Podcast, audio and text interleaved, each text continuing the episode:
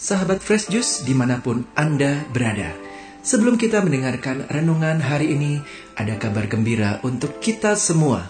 Kami mengundang sahabat Fresh Juice untuk mengikuti ulang tahun Fresh Juice yang ke-10 di Bali pada hari Jumat 25 November 2022. Bersama para pengisi Fresh Juice antara lain Romo Yandi Buntoro CDD, Romo John Laba SDB, Romo Revi Tanot, Romo Albertus Joni SCJ, Romo Siprianus Tukan SSCC, Romo Iwan Karwayu, dan para pengisi Fresh Juice lainnya.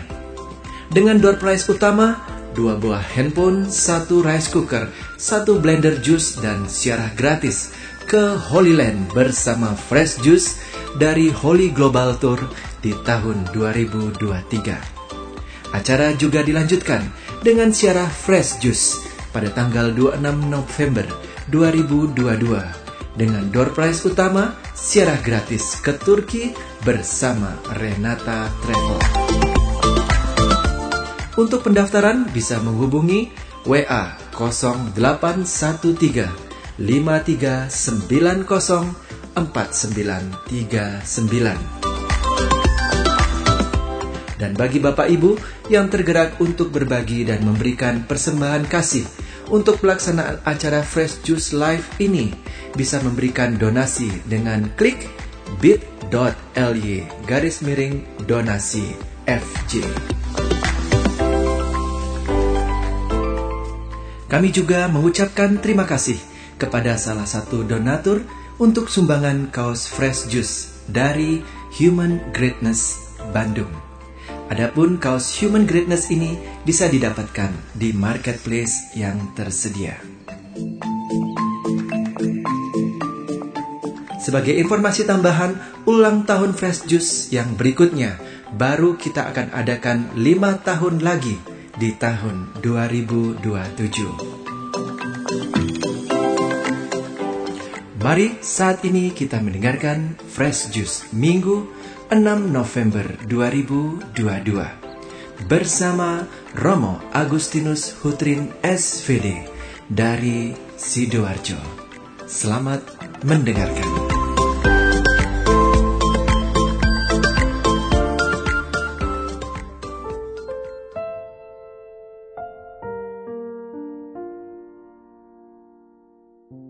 Shalom Bapak Ibu, Saudara dan Saudari yang terkasih sedang berjumpa kembali dalam permenungan Fresh Juice. Mari sebelum kita merenungkan sabda Tuhan, kita membacakan teks Injil Lukas bab 20 ayat 27 sampai dengan 38. Maka datanglah kepada Yesus beberapa orang Saduki yang tidak mengakui adanya kebangkitan. Mereka bertanya kepadanya, "Guru, Musa menuliskan perintah ini untuk kita." Jika seorang yang mempunyai saudara laki-laki mati sedang istrinya masih ada, tetapi ia tidak meninggalkan anak, saudaranya harus kawin dengan istrinya itu dan membangkitkan keturunan bagi saudaranya itu. Adalah tujuh orang bersaudara. Yang pertama kawin dengan seorang perempuan lalu mati dengan tidak meninggalkan anak. Lalu perempuan itu dikawini oleh yang kedua dan oleh yang ketiga dan demikian berturut-turut oleh ketujuh saudara itu. Mereka semua mati dengan tidak meninggalkan anak. Akhirnya perempuan itu pun mati. Bagaimana sekarang dengan perempuan itu? Siapakah di antara orang-orang itu yang menjadi suaminya pada hari kebangkitan? Sebab ketujuhnya telah beristrikan dia. Jawab Yesus kepada mereka, orang-orang dunia ini kawin dan dikawinkan, tetapi mereka yang dianggap layak untuk mendapat bagian dalam dunia yang lain itu dan dalam kebangkitan dari antara orang mati tidak kawin dan tidak dikawinkan. Sebab mereka tidak dapat mati lagi. Mereka sama seperti malaikat-malaikat dan mereka adalah anak-anak Allah karena mereka telah dibangkitkan.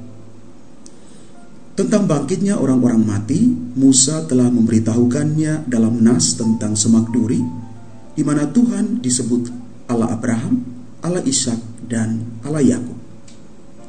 Ia bukan Allah orang mati, melainkan Allah orang hidup. sebab di hadapan Dia semua orang hidup. Demikianlah sabda Tuhan, terpujilah Kristus.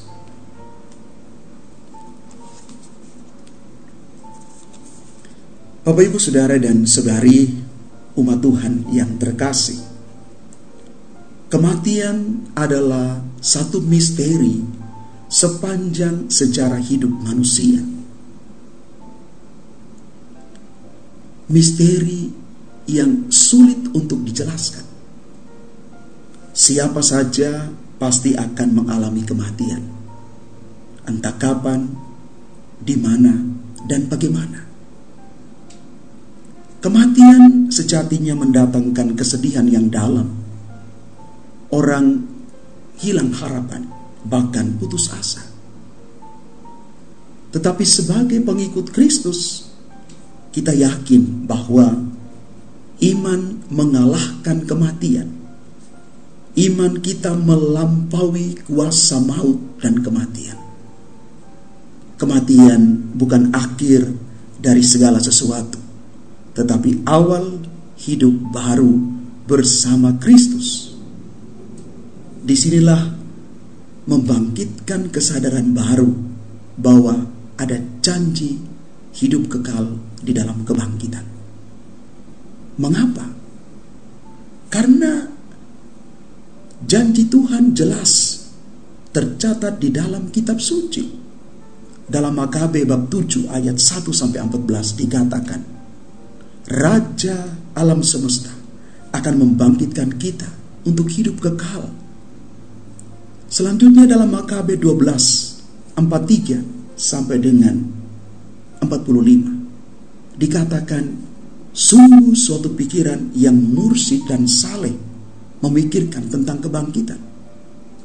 Di dalam 1 Korintus bab 15 ayat 20 sampai dengan 28 Paulus mengatakan bahwa semua orang akan dihidupkan kembali di dalam persekutuan bersama Kristus.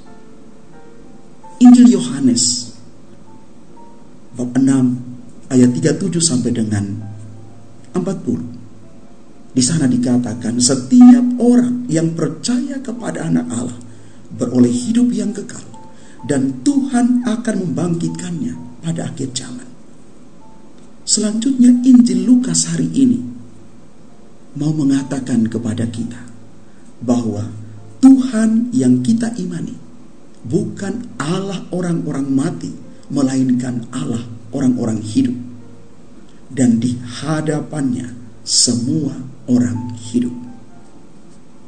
Maka Bapak Ibu Saudara-saudari yang terkasih, kita yang mengimani Kristus, mari berdiri teguh dengan keyakinan bahwa setelah kematian ada kebangkitan untuk hidup yang kekal.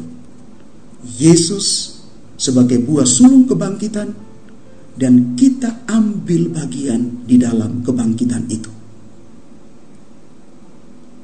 Pesan firman Tuhan hari ini untuk kita, bagaimana kita boleh mengalami kuasa kebangkitan di dalam Kristus. Yang pertama, mari datang kepada Yesus, sumber hidup kekal yang mengendaki kita hidup, bukan mati sia-sia. Karena itu, hiduplah sesuai dengan kehendak Allah. Karena waktu Tuhan bukan waktu kita. Jadilah berkat bagi banyak orang. Dan yang kedua, mari percaya kepada Yesus, sumber kebangkitan satu-satunya karena Yesus mengatakan, Akulah kebangkitan dan hidup. Barang siapa percaya kepadaku, dia akan memperoleh kehidupan kekal. Bapak ibu saudara-saudari yang terkasih, mari kita menjadikan hidup kita berkat bagi orang lain. Tuhan memberkati kita. Amin. Sahabat Fresh Juice, kita baru saja mendengarkan Fresh Juice Minggu 6 November 2022. Saya Yofi Setiawan beserta segenap tim Fresh Juice mengucapkan terima kasih kepada Romo Agustinus Hutrin untuk renungannya pada hari ini. Sampai berjumpa kembali dalam Fresh Juice edisi selanjutnya. Jaga kesehatan dan salam Fresh Juice.